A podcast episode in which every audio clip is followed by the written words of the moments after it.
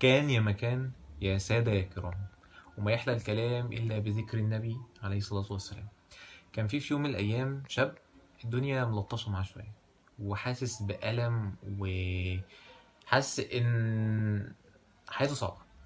فما كانش عارف يعمل إيه. فراح للمعلم بتاعه الأستاذ بتاعه وسأله.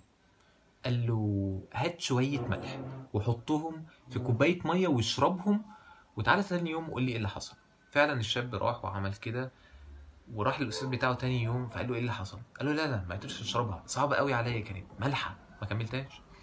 قال له خلاص هنعمل نفس الحاجة بس المرة دي هنروح نرميها في نهر نهر كبير. فراح الشاب وعمل كده الأستاذ بتاعه قال له اشرب. فشرب قال له عاملة إزاي المية؟ قال له لا لا جميلة منعشة عذبة. قال له الملح هو هو نفس الكمية. الملح ده هي الآلام بتاعتنا. هي الأحزان هي الحاجات اللي بنمر بيها في الحياة وما بنقدرش نتحملها في الأول. وإحنا اللي بنختار نحطها في ساعة قد إيه نديها قد إيه في حجمها. فلو إحنا اخترنا نضيق الأفق بتاعتنا ونحس إن دي محور حياتنا حياتنا هتبقى صعبة حياتنا هتبقى مالحة مرة.